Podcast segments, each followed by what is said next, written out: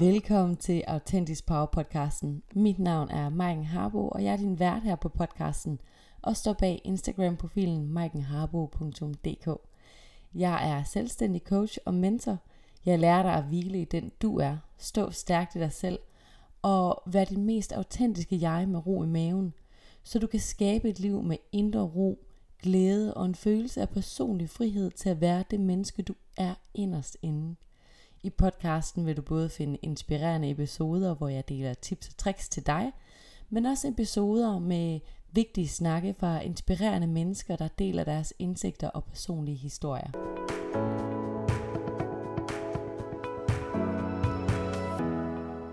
I dag har jeg inviteret Michelle Damgaard til en inspirerende snak omkring mod, hvad det vil sige at vælge sig selv til, konsekvenserne af det at være pleaser, og hvordan man kan rejse sig igen, når det hele det ramler.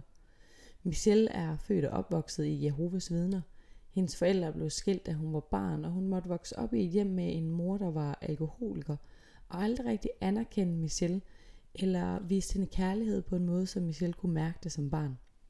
Hun endte med at blive pleaser og perfektionist, øh, en der forsøgte hele tiden at vise omverdenen, at det hun gjorde var godt nok, i et forsøg på at mærke anerkendelse og kærlighed fra dem, der var tæt på hende. Noget, som alle vi mennesker har brug for at mærke her i livet. Michelle har været udsat for grov mobning, som virkelig har sat sin spor i hende. Føles på sin egen krop og miste sig selv fuldstændig, hvor man intet kan mærke og bare føler sig tom indeni. En nat befandt hun sig ude i haven og var ved at hænge sig selv, men overlevede på mirakuløs vis.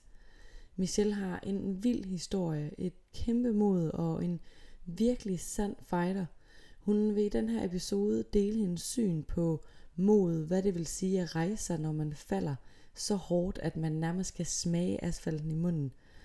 Og hun vil dele hendes vej tilbage til et smukt og meningsfuldt liv. Jeg glæder mig helt vildt meget til at snakke med Michelle.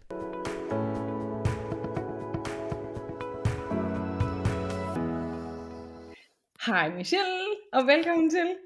Hej, og tak.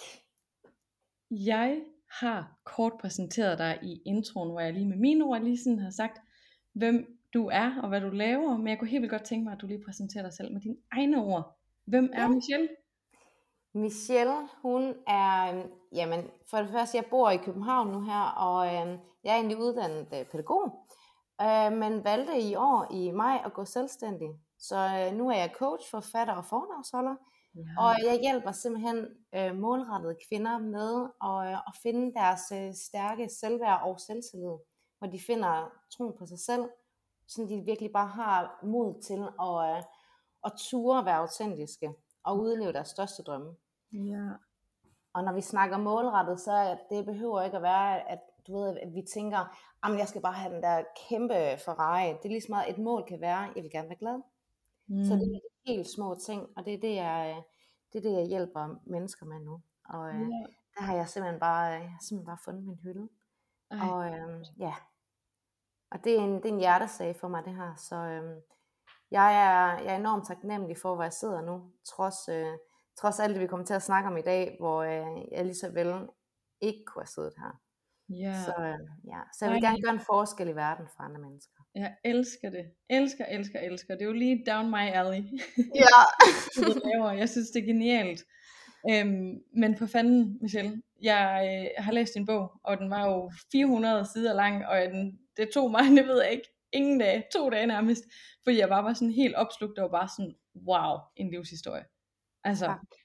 altså helt vildt. Mm. Øhm, fordi ej, men dengang jeg læste bogen, så var jeg sådan helt, ej, oh nej, hvad gør jeg egentlig med den her podcast, som jeg vil forberede mig til, fordi den kommer til at vare 10 timer. Ja, ja. Jeg har været igennem så meget, og der er så meget, der er relevant for folk at høre. Ja. Øhm, men jeg sidder egentlig bare sådan og tænker, om du ikke vil sætte sådan lidt ord på, på din rejse, hvis du skal gøre det sådan virkelig kort i forhold til at være, altså jeg sidder sådan lidt og tænker på det her med at være en del af Jehovas vidner, mm. og, hop, mm, og hoppet ud derfra. Altså, det, det, mod er jo mange ting. Nu går du også så meget op imod i dit uh, signaturforløb, ikke? Men, ja. men det mod ved at hoppe ud af Jehovas vidner, hvor vi alle sammen godt ved, det betyder, at man siger farvel til alt, hvad man har. Mm. Altså, hold nu op et mod. Kan ja. du sætte lidt ord på sådan, Ja, og som sagt, nogle gange, så kan, det, så kan det faktisk være svært at gøre det kort, men altså, ja. hvordan finder man, jeg er blevet, det er jo derfor, jeg også, som du kort nævner med mit forløb, ikke? altså det er jo derfor, jeg er blevet spurgt, Michelle, har du fundet dit mod? Og mange år har jeg bare tænkt, at jeg har bare gjort det. Mm. Jeg har ikke tænkt over, hvorfor og hvordan. Og øhm, altså det, jeg har jo levet et liv øhm, som Jehovas siden, og det er også derfor, i den dag i dag, jeg vil egentlig ikke identificeres med det, fordi vi har en historie, men vi har ikke vores historie, men det er en del af mig, og jeg, jeg omfavner den. Øhm, men jeg har tænkt meget over det også, og, og, og det jeg egentlig øh, er kommet frem til, er, at jeg har været inde og mærke efter inde, inde i mig. Øh, jeg har jo levet øh, i rigtig mange år, øh, da jeg gik ud af Jehovas vidner, og har følt, at jeg har valgt min familie fra. Ja. Jeg har valgt alle mine venner fra. Og øh, det har jeg troet på, fordi det er noget, jeg er blevet fortalt. Jeg er blevet fortalt af, af min familie og, og alle dem inden for Jehovas vidner, jamen du vælger, du vælger simpelthen også fra, når det er, at øh, du vælger at blive udstødt som Jehovas vidner. Fordi når man, altså som Jehovas vidner bliver du ikke øh, døbt ligesom en øh, almindelig dåb i, i kirken. Så det er et valg, du træffer øh, som voksen. Mm. Og, og, og regelsættet er, at hvis du vælger at gå ud af det, så har det nogle konsekvenser for dig. Øh, og det bliver lidt øh, til sidestillet for eksempel med, hvis du, øh, hvis du nu kører over for rødt, så ved du, at så får du en bøde, mm. øh, og så er der nogle konsekvenser derfor. Og der har jeg altid slået rigtig meget øh, ned på at sige, du kan ikke sammenligne mennesker med et lyskryds. Jeg har ikke, jeg har ikke et trafiklys, jeg er et menneske. Jeg har følelser. Ja. Og jeg er, er ikke, jeg har aldrig nogensinde gået ind for, at man skulle udelukke andre mennesker. Fordi det, øhm, det sætter, øh, det sætter virkelig katastrofale øh, tanker hos det menneske, som bliver udstødt for flokken. For det, det er det, der bliver gjort.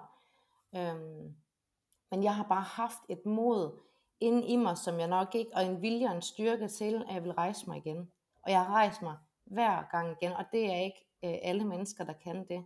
Og jeg ønsker ikke for, øh, jamen for min værste fjende, som jeg så skrevet, jeg har ikke nogen fjender, men jeg ønsker ikke for noget menneske at gå igennem alt det, jeg har gået igennem, fordi der er meget.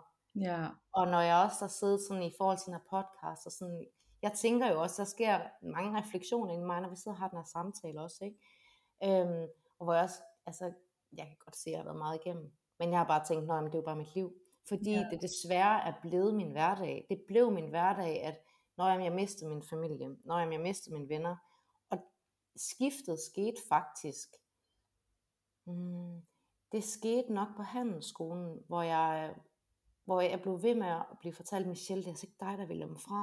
Og jeg var bare sådan, jo det er det, fordi det er det, jeg er blevet fortalt. Og der gik det op for mig, der skete ligesom et skift inde i mig, hvor jeg tænkte, jeg vælger faktisk ikke min familie fra.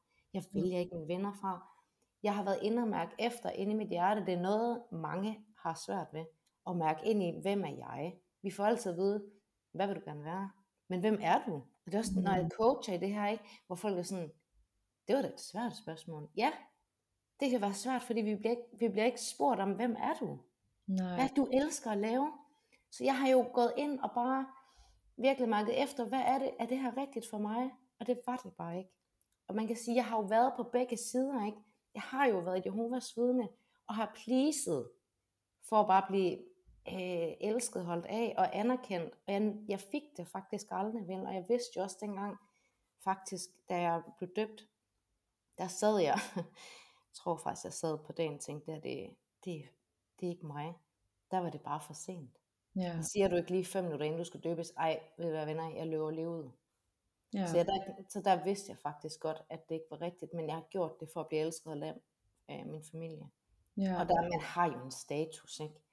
Øh, lidt ligesom hvis du arbejder op til at blive direktør, så er der, så er der noget status omkring det. Ikke? Og så blev jo bare rigtig, rigtig syg, og jeg levede jo virkelig, øh, levede et hårdt liv.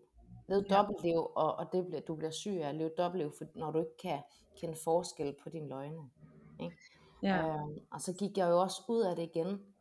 Øhm, så jeg har været inde i det og ude af det, og så er jeg kommet ind igen, og nu er jeg ude af det igen. Ikke? Så jeg har jo set begge sider og sidste gang jeg gik ud af Jehovas vidner for, jamen jeg stoppet med at Jeg går ikke så meget op i mange år i dag, men det er jo sammenlagt 12 år, ikke?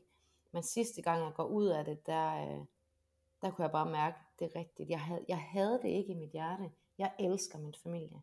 Jeg elsker virkelig min familie, og, og dem, der har gjort mig ondt, ser jeg, har jeg valgt også at se med kærlighed, fordi jeg har været inde og tilgive mig selv. Ikke? Men det er jo noget, der har taget 30 år. Ja. Det, var først i, det var først i år, da jeg startede på den her coachinguddannelse, at, øh, at jeg lærte det. Ja. Jeg har været så vred, ikke? Der har været så meget vrede, fordi jeg har været i så dyb en, en sorg, med alle de traumer, jeg har været igennem, at tænke, altså, hvorfor, hvorfor fortsætter mit liv med at være et helvede, ikke? Ja. Øhm, men jeg sidder sådan, undskyld, jeg afbryder dig, fordi jeg sidder sådan og tænker på dem, der sådan lytter med derude, sådan, wow, en, altså, wow, der kommer meget info.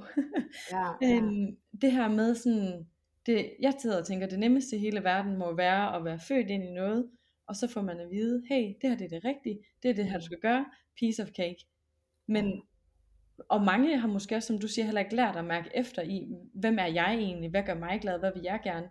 Men som jeg forstår det ud fra din bog, så har du faktisk forsøgt at please alle andre, du har forsøgt bare at gå med den her som, jamen det er jo det her man gør, det er jo det her jeg skal, har jeg sagt A, så skal jeg også sige B, men i mm. virkeligheden, så blev du jo faktisk syg af, ikke at, ikke at, altså, ikke at følge dit hjerte.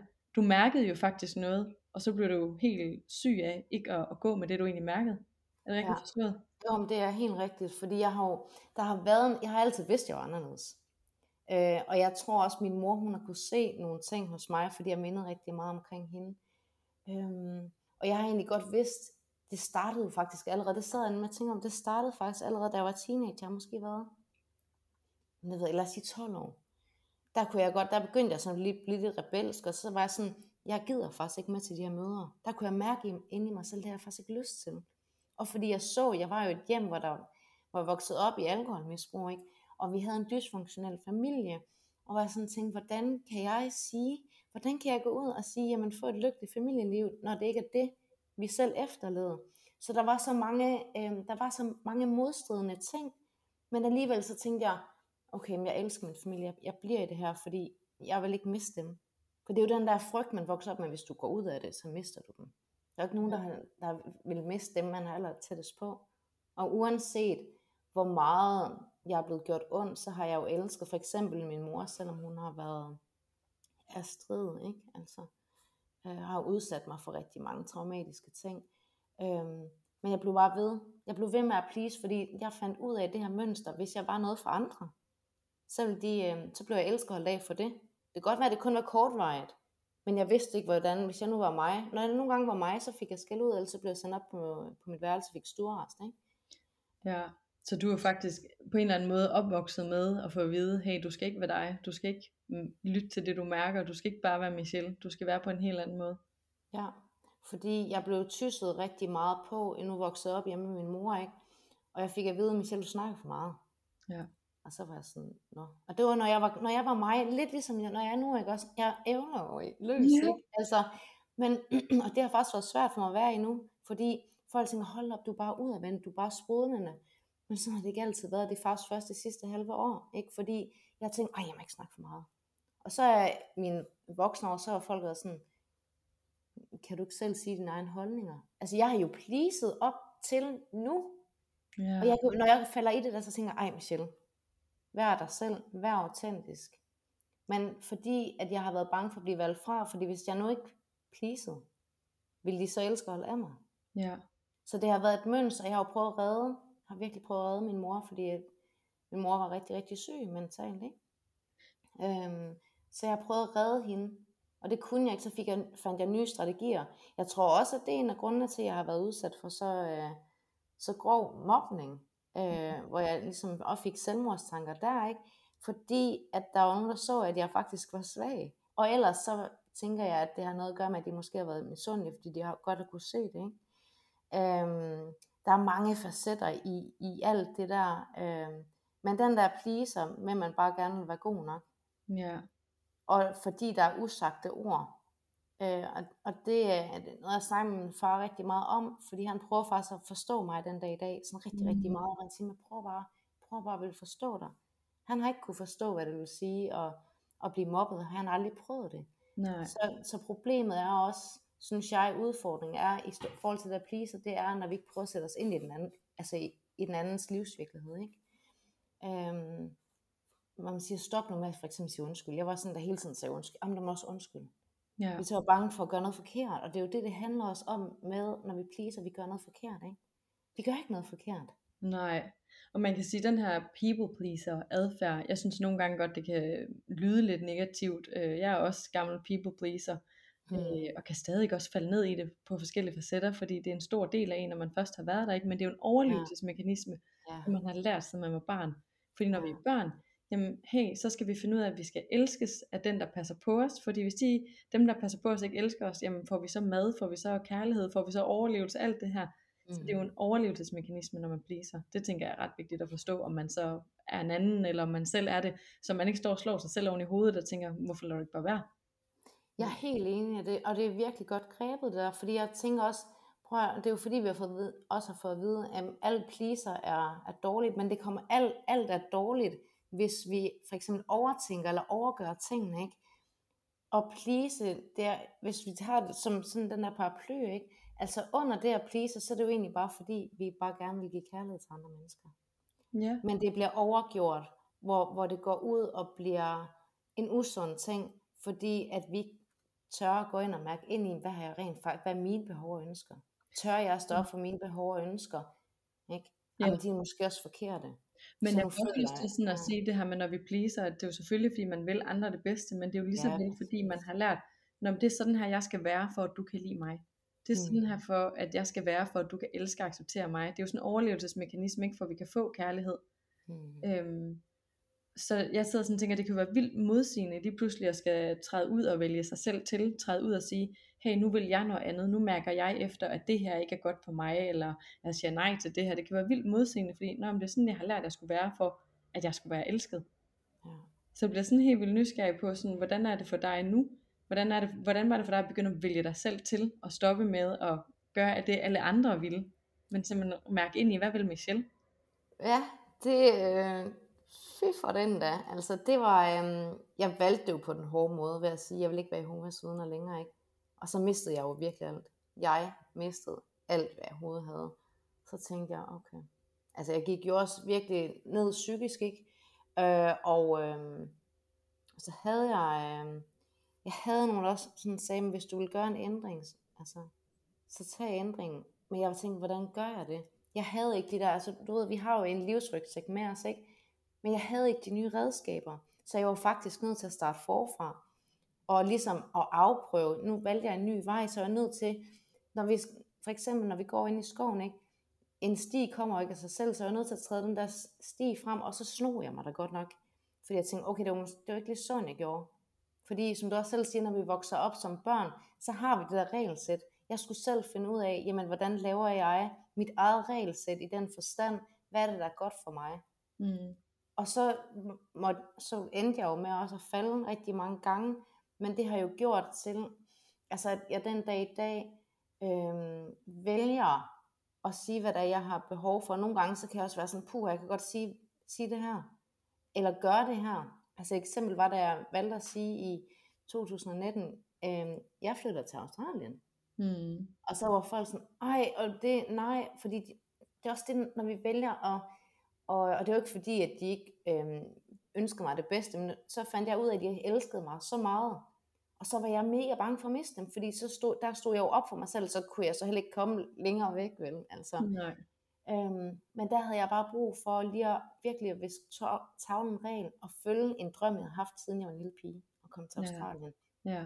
Og der gjorde det, jeg siger ikke, man skal tage til Australien for at, at kunne slippe sådan nogle ting, men tag et skifte i dit liv, og vælge dig selv til. Fordi det, altså, vi møder mennesker en årsag.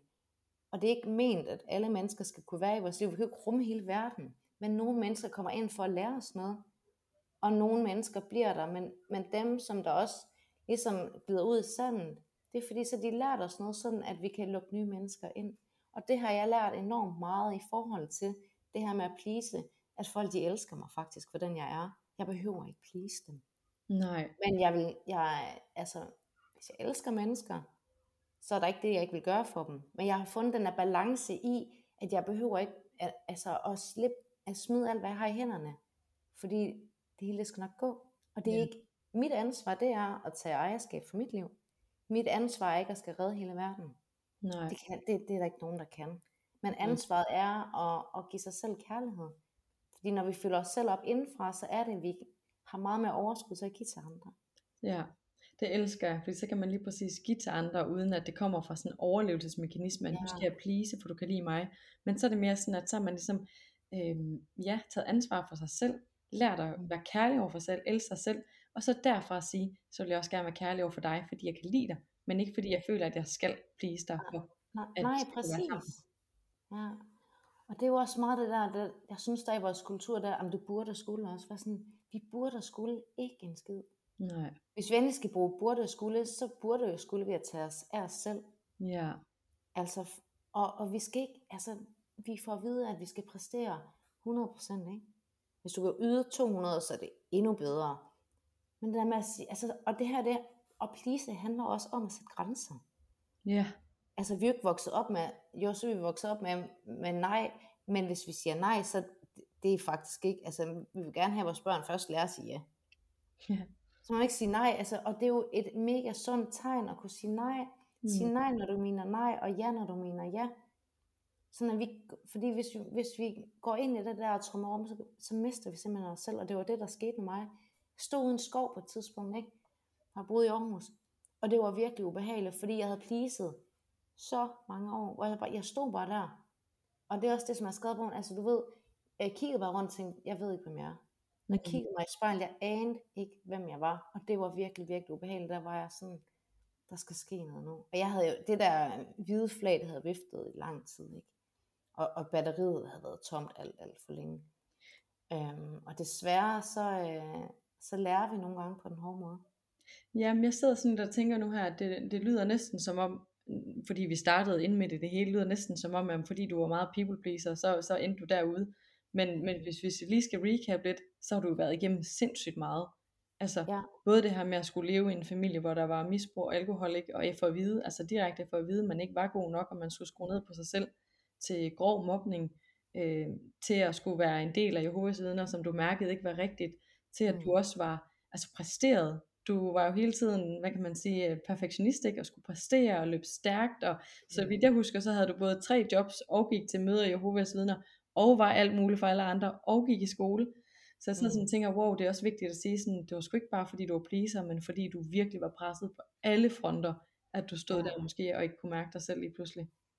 Ja, øh, det er fuldstændig korrekt. Jeg havde nemlig, altså jeg, jeg kæmpede virkelig for at overleve. Og, og det var også fordi, jeg var på en flugt fra mig selv, ja. kan jeg jo se nu, ikke? Fordi jeg havde Jehovas vidner, og så var der jo de ugenlige møder, ikke? og så havde jeg tre jobs, og jeg havde HHX Innovation, hvor jeg også lige måtte blive trukket ind til siden og sagt, Michelle, der er ikke nogen, der kan præstere så meget. Prøv lige at tone lidt ned. Men det var fordi, jeg tænkte, men jeg skal bare være god til noget. Du kan ikke være god til alting, så du være god. Altså, du kan ikke være god til én ting, hvis du vil være god til alting. Øhm, og jeg kan også se lige præcis det der med perfektionisme, ikke? altså det har virkelig, jeg øver mig stadigvæk i det. Øhm, men det var også, øh, det var jo, øh, jeg, jeg flygtede fra mig selv. Mm. I, derfor så skulle der bare mere på, ikke? Øh, så kunne jeg arbejde ud af det, og jeg har faktisk altid brugt arbejdet til at øh, førhen og, og ikke mærke efter inde i mig selv. Altså jeg var på i nogle perioder, hvor jeg var aldrig nogensinde alene, fordi fy for den, jeg skulle bare ikke, altså jeg, de der følelser, nej. Ja. Det synes jeg faktisk er en god pointe, fordi om man har været igennem så meget som du har eller ej, så tror jeg at mange kan genkende til det her med at have travlt, en fyldt kalender, eller arbejde sindssygt meget, fordi åh oh nej, hvad sker der hvis jeg står stille? Hvad mærker jeg så? Hvem er jeg så? Hvad sker der så? Så lad os bare løbe hurtigere.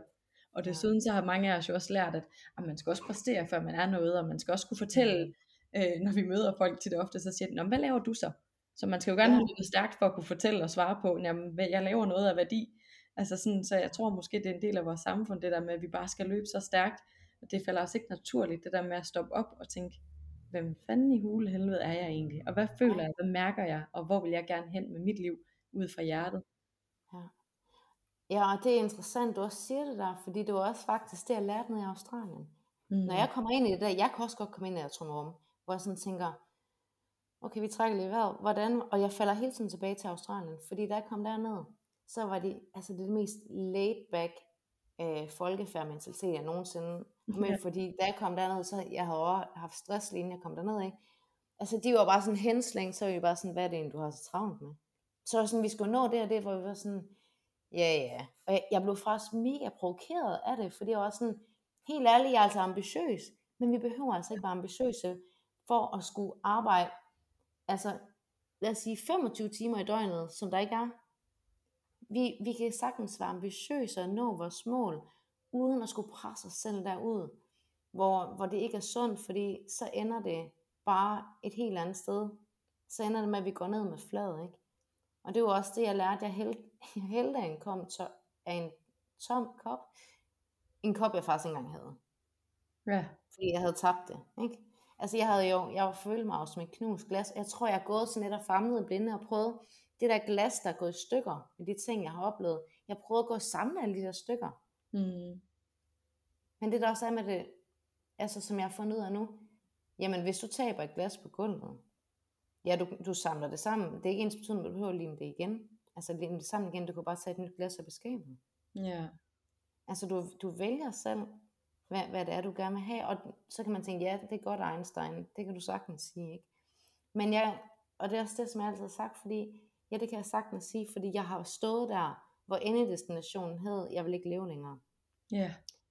Øhm, og jeg har været så langt ude i tårne, øh, at det er et under, jeg sidder her. Jeg er enormt stolt af, hvor jeg sidder nu, fordi jeg kunne lige så godt have siddet med en kanyle i armen. Ja. Jeg kunne lige så godt have, have slukket, der var jo slukket ikke, i mange år, øh, og hvor jeg også drak mig ud af det, og, og var på antidepressiver og sådan noget. Ikke? Øh, men jeg vil sige, at forskellen i det her, det er, øh, uanset hvor svært det engang kan være nogle gange, så spørg om hjælp. Fordi ja. det, og det er jo det, jeg har også har måttet erkende. Spørg om hjælp, for der er så mange, der gerne vil hjælpe os. Mm. Om vi tror det eller ej, men det er også det der, hvis vi er vant til at være noget for andre og skal please, så, spørg, så, vi, så er vi det jo ikke os, der spørger om hjælp. Vi er jo dem, der hjælper dem, som spørger os til råds, ikke? Ja, og hvad er man så? Er man så værdig til at modtage den hjælp, ikke? Ja. Ja. ja. Men jeg sidder sådan lidt og tænker, når du siger det her, nu nævnte vi, du nævnte også lidt casual i starten, at når selvmord, altså selvmordstanker og sådan noget, men du stod jo faktisk, du stod der jo faktisk med rebet ude ved træet, ikke også? Jeg hang i træet, ja. Du hang der faktisk, ja. Ej, hvor er det vildt. Jeg synes, ja, der, det er vigtigt at få sat ord på, både det her med, det var ikke bare, mm, når jeg kunne lige have ind der, nej, jeg, du var faktisk så tæt på, du var faktisk kørt så langt ud, at du faktisk ikke havde lyst til at være her mere. Ja. Ja, og, og man kan sige, inden at jeg vælger at sige, nu vil jeg gerne dø, der havde jeg jo haft de der, jeg har haft selvmordstanker, siden jeg var en, en lille pige. Det startede allerede dengang, når, jeg, når min mor hun afviste mig. Ikke? Ja. Jeg kan huske, når jeg stod, altså jeg kastede så mange tegninger ned til hende. Og til sidst, hvor hun sagde, Michelle, stop. Altså hun afviste mig bare helt blind, ikke? Og så fandt jeg et brev nu her efter, efter hun desværre ikke er her længere, men hvor, der, hvor jeg har skrevet, tror måske, jeg har været 8-9 år eller sådan. Det er også ligegyldigt, hvor gammel jeg var, men jeg var ikke særlig gammel, hvor jeg skrev, at jeg ønsker, jeg aldrig nogensinde var blevet født. Ja. Jeg er ked af, at jeg er, som jeg er. Jeg er ked af, at det er altid min skyld. Jeg har jo følt, og det er jo det, der også er gået igen, ikke? Jeg har følt, at det var mit liv. Øh, der var skyld i, at familien var gået i stykker. Ja. Jeg følte, alt var min skyld, og, og det der med skyld, og miste og please, altså det hele, det hænger sammen på en snor, ikke?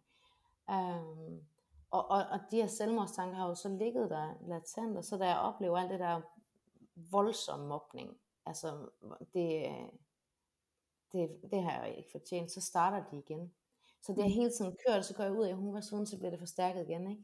Fordi jeg ikke havde, jeg havde ikke styr på mine, på mine følelser. Jeg følte bare, at folk, de, øh, de kastede rundt med mig på en, på en eller anden måde, ikke? Og ikke respekterede mig. Og til sidst, der, så var jeg sådan, der gik min ekskæreste fra mig, og så blev jeg mist, altså, så mistede jeg igen, og blev valgt fra, og så var jeg sådan, jeg, ikke mere nu, jeg, jeg, jeg, kunne, jeg kunne ikke bære mere ind i mit hjerte. Der følte mm. jeg, jeg var blevet trampet på, så altså, lang tid, og jeg var sur på mig selv. For jeg følte, det var min egen skyld, at jeg sad der, hvor jeg sad, ikke? Um, ja. og, det, og igen, så kom de der tanker op, de er jo kommet igen, selvom jeg lærer, jeg har ikke valgt min familie fra, så kommer de igen. Øh, der hvor jeg vælger så at sige, nu tager jeg et ræb, og så hænger jeg mig op i et træ, ikke? der tænker jeg, det er min skyld her. Det er min skyld, at jeg sidder her nu, fordi jeg valgte min familie fra. Fordi det sidder så dybt, det har siddet så dybt i mig. Ja. Øhm, og, og som jeg også har skrevet i min bog, jeg, jeg ved ikke, hvordan jeg kommet ned. Nej. Om man tror på universet eller ej, så har jeg bare oplevet nogle ting, hvor jeg ved, at det, er, det kan ikke bare ske af sig selv. Jeg har stået der, jeg har følt det, jeg kan, når vi sidder og snakker nu, jeg kan jo, jeg mærker stadigvæk den følelse. Nu er jeg nede med min far her i, i weekenden, og øh, der var vi derude, hvor jeg fandt det ræb, og det sidder stadigvæk i mig. Øh, den der øh, følelse af, at øh, nu vil jeg ikke mere. Og så fik jeg, altså et kort øjeblik, blev jeg faktisk helt vildt ked af det, og så tænkte jeg, prøv lige at overveje, hvor du står nu. Du står mm. det samme sted nu, hvor du for år tilbage tænkte, nu vil jeg ikke leve mere.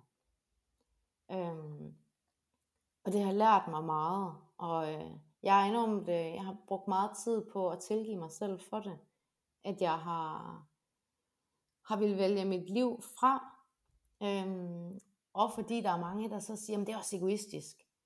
Og, og, og mm, jeg tror, jeg vil i hvert fald sige for mit eget vedkommende, nu har jeg selv stået der, hvis du siger til et andet menneske, at det er også egoistisk, så er det fordi, du ikke prøver at sætte dig ind i den andens øh, virkelighed. Ja.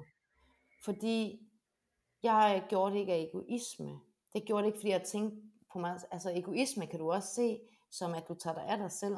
Det er ikke det, det handler om. Jeg tænker bare, jeg, jeg kan ikke se andet, fordi jeg føler, at jeg råber, der er ikke nogen, der lytter til mig. Ja. Så det er med at forstå mennesket bag. Ja. Men jeg får også lyst til at sige sådan, du ved, det er både det her med til dem, der nu sidder og lytter med, ikke? at det er både det her med, at sidder der nogen i en situation, hvor livet er så svært, mm, så prøv at få hulen og hjælp og forstå og lytte. Men også hvis der sidder nogen og tænker, fuck, jeg synes godt nok også bare, at livet det er tungt nogle gange. Så får jeg bare sådan lyst til at sige sådan, jeg har også været der slet ikke så tæt på, som du har, men med tankerne om, ej, vil jeg godt nok det her? Og det tror jeg, vi er mm. mange, der har. Så jeg får bare lyst til sådan at aftage, hvordan siger det? Terapi, hvordan siger det? Aftabuisere. Af, ja, aftage. ja, det er et godt ord. Hvis ja, ellers, det er godt lide. så er det det, jeg gerne vil sige. Fordi at jeg bare tænker, at man kan være så alene om det, og man kan være så ja. alene om de der følelser, og tro, man er alene. Og så får jeg lyst til at komme med to pointer, som både er et, på at tænke på, hvor du var, versus hvor du så er i dag. Altså brug mm. det som eksempel, brug Michelle som eksempel, og to, så får jeg lyst til at snakke egentlig det her med, øhm, hvordan jeg kunne læse en bog, og du stadigvæk hver morgen, inden det her sker, ikke, men her hvor alt det, det svære, det står på, nærmest tager en maske på. Du har det mm. så svært indeni, og har ikke lyst til livet, men tager en maske på og smiler og siger, alt er fint, nu tager jeg på mine tre jobs og min uddannelse, og hvad ved jeg. Så får jeg bare sådan lyst til at snakke lidt om det her med, hvorfor er det så svært for os mennesker at snakke om vores følelser og bede om hjælp og vise, hvordan vi egentlig har det, i stedet for at tage den her maske på. Fordi hvis vi alle sammen tager maske på, en for hulen, så tænker jeg, så kommer vi alle sammen til at føle os endnu mere alene, fordi når jamen, de andre har det jo fint, så er det jo nok bare mig. Ja. Jeg tror, at det er fordi, øh, altså i, jeg ved ikke om det er noget, der, det stammer nok langt tilbage fra, fordi det, jeg har snakket meget med min far om det faktisk. Man siger, at vi var ikke sådan noget at snakke om følelser. Mm-hmm. Altså, øh, og, og hvis der, det er jo, jeg, jeg tænker, at det også er fordi mange øh, er bange for, ah, at jeg er nok det, den eneste, der har det sådan. Vi er jo ikke de eneste, der har det sådan, men fordi, at, og heldigvis er det ved at vende skuden på det, ikke? Og det gør jeg jo også meget for, apropos at bryde med tabuer, øh, ind på min Instagram, også bare for at fortælle, prøv at høre, jeg har været der. Altså hvis jeg bare får at vide, du skal bare gøre sådan og sådan og sådan, og man tænker, okay, men hvordan skal jeg gøre det? Ligesom for at forklare, jeg har selv stået der. Mm. Og, og det er okay at snakke om følelser. Øhm, jeg tror, det har noget at gøre med, at der er den der jantelov. Der er en jantelov, hvor man ikke skal tro, man er noget. Og så tror jeg helt automatisk, at når man, hvis ikke du skal tro, du er noget, så er dine følelser nok heller ikke vigtige. Mm. Øhm, og, og i hvert fald for min eget vedkommende, så har jeg jo faktisk prøvet at sætte ord på mine følelser, men de er blevet faret væk. Ja. Og jeg tænker, jeg er ikke den eneste. Så når vores følelser, de bliver faret væk første gang, jamen, så tør man måske godt igen. Hvis de bliver faret væk anden gang, jamen, nå, så prøv måske tredje gang. Og hvis tredje gang så er der, hvor man bliver faret væk igen, så, tænker, så kan det være lige meget. Ja. Og det var også det, der skete for mig, som, som barn, ikke? Hvor jeg tænkte, så lukker jeg bare i. Det er jo ikke fordi, jeg sagde, nu lukker jeg bare i, men det sker helt instinktivt i kroppen. Fordi vi jo er født til at, at være flokdyr og høre til et sted, ikke? Men hvis ikke vi føler, at vi hører til, så hvorfor skulle nogen så gide at lytte til os? Ja. Og så det der, den der beholder, ikke? så bliver den bare fyldt op med alle de tanker, alle de følelser, vi har. Og til sidst ikke også eksploderer den jo. Ja. Om det så er, at man bliver øh, vred, eller man øh, bliver enormt utrystelig og ked af det, eller om det, altså uanset hvad man står i, vi reagerer jo for, forskelligt. Og altså, alle følelser er velkomne. Ja. Det er sådan, vi er jo også vokset op med det der, ej, du, skal, ej, du må ikke græde. Og mm. sådan, jo selvfølgelig må du da græde. Ja. Ikke? Men det er fordi folk de er bange, for de ved, hvordan de skal forholde sig til det. Hvis jeg nu for eksempel spørger dig, hvordan har du det? Og du så begynder at sige, at jeg har det faktisk ikke så godt. Og sådan, Nå okay, du, har du også hørt for resten, at der skete det der derovre? Eller sådan, mm. Du ved, du skal ikke spørge andre, hvordan de har det, hvis ikke du har tid til at høre på det. Nej, så enig. Så Fordi hvis du så begynder at åbne op, og, og der er så, du kan mærke den anden, og sådan, puha, du kan jo mærke, du, om vi forstår ord eller ej, du kan mærke stemninger. Ja. Og det er jo det, vi vokser op med som børn. Du mærker stemninger, ikke sikkert du forstår det talte. Så hvis du nu for eksempel siger til mig, at jeg har det bare så dårligt, og det er fordi sådan og sådan og sådan, og jeg så tænker, ej, det har jeg nu sådan stået i, før jeg ved, hvordan jeg skal hjælpe hende. Ja. Nu prøver jeg lige at fikse. Ja. Og det er misforstået kærlighed, hvis du spørger mig, det der med, at vi skal ikke fikse nogen. Nej. Vi skal, ikke, altså, vi skal gå ind og, lytte til den menneske. Jeg tror, det er derfor, alt, altså, det hele hænger sammen. Ikke? Jeg tror, det er derfor, at der er den der angst og frygt for, og egentlig bare sige, hvad det er, vi mener og føler. Ja, fordi både det her med, tænker jeg i hvert fald, frygten for at være alene i det, man føler, frygten ja. for at virke svag, og kan det andet menneske nu gribe mig, altså være i mine følelser. Og det er jo nogle, altså, det er klart, man har de øh, tanker, tænker jeg, og frygte. Øh, men i mine øjne, der tænker jeg, at vi er jo stærke, når vi kan vise vores følelser. Vi er stærke, når vi tør at græde foran andre, fordi det nemmeste i hele verden, jeg siger ikke, det gør ondt, men det nemmeste i hele verden er der at bare ikke at sige det, og putte en maske på. Mm. Og at styrken kommer, når vi faktisk tør at tage masken af, og vise os selv for den vi er, og lade andre mennesker gribe os. Men når det så er sagt, så skal man selvfølgelig omgive sig med nogle mennesker, som faktisk kan gribe os, som vil mm. lytte, og som er der. Øhm, og det er måske noget, mange mennesker skal kunne lære, det her med at gribe hinanden i vores følelser. Jeg er helt enig, og det var også det, jeg fandt ud af. Altså, jeg blev virkelig virkelig øh, modtaget med åbne arme, da jeg rent faktisk begyndte bare at fortælle, hvordan jeg havde det, og jeg fandt jo også selv ud af, okay, det er faktisk det er helt trygt.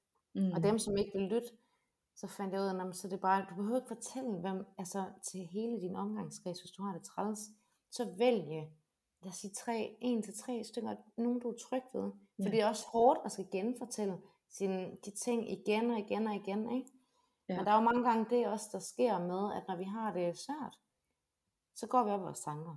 Ja. Og så kører den bare ikke. Når vi så sætter ord på, og vi siger det højt, jeg har øvet, jeg gør det stadigvæk. Jeg går og snakker med mig selv, så siger jeg tingene højt, og ligesom, så kan jeg nogle gange godt høre, okay, yes, det var faktisk måske ikke lige der, vi skulle hen. Altså så bliver vi bevidste om, hvad det er, vores tanker egentlig er, så kan vi høre det klart, ikke? Og det kan vi også høre, når vi, når vi snakker med andre. Så nogle gange, når man har en samtale, så kan man måske godt høre, okay, men det er faktisk ikke helt rigtigt, det er faktisk egentlig ikke sådan, jeg har lyst til at have det. Mm. Hvordan kan jeg gå ind og, og, og finjustere på det, ikke? Det er ikke ens betydning med, at så skal bare ændre det hele på én gang. Men sådan et skridt ad gangen, ikke? Ja. Um, ja. Ja, så får jeg også lyst til sådan at sige sådan, for dem der er måske lidt berøringsangst i forhold til det der med, og hvad gør man så, hvis man møder nogen, for eksempel nu sidder vi og snakker om ret store emner, som at øh, ja. være selvmordstroet, eller ikke har lyst til at have, have livet, eller i hvert fald har tanker omkring, hvad gør man så, når man møder sådan nogle mennesker, hvor jeg tænker sådan, for hulen læg genet væk, og så lyt. Ja. Man behøver ikke engang forstå, eller have været der selv, eller fikse noget, men bare det, at man kan lytte, sige, hey, ja. du er ikke alene.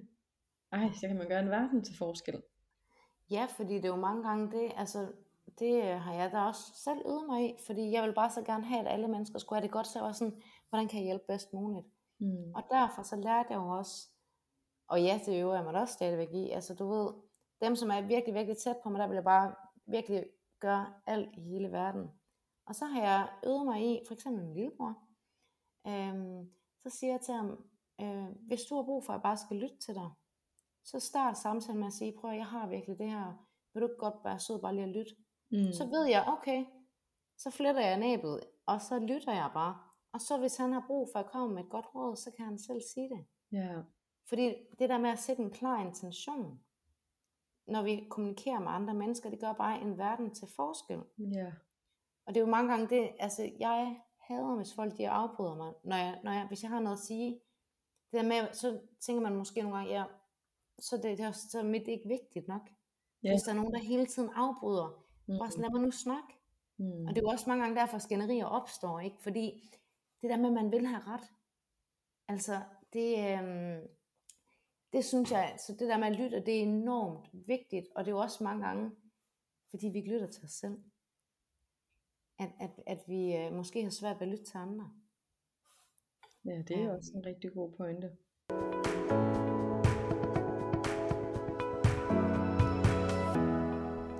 Tak fordi du lyttede med så langt. Anden halvdel af episoden med Michelle udkommer på næste fredag, mm. og jeg glæder mig allerede helt vildt til at dele den med dig. Hvis du sidder og får lyst til at finde dit eget mod frem, udleve dit mest autentiske jeg, så du kan hvile i den du er, så kan du hoppe med på Soul Sisterhood forløbet. Soul Sisterhood forløbet er et gruppeforløb, hvor du vil møde ligesindede kvinder. Ligesindede kvinder, som også er på en indre rejse ligesom dig – Solsisterhood-forløbet starter den 8. september, og vi mødes live til en magisk dag med workshop den 10. september, og du er så velkommen. Du kan kontakte mig for at høre mere på min Instagram, maikenharbo.dk, eller du kan sende mig en mail på info og du kan høre meget mere om forløbet og hvad det kan give dig.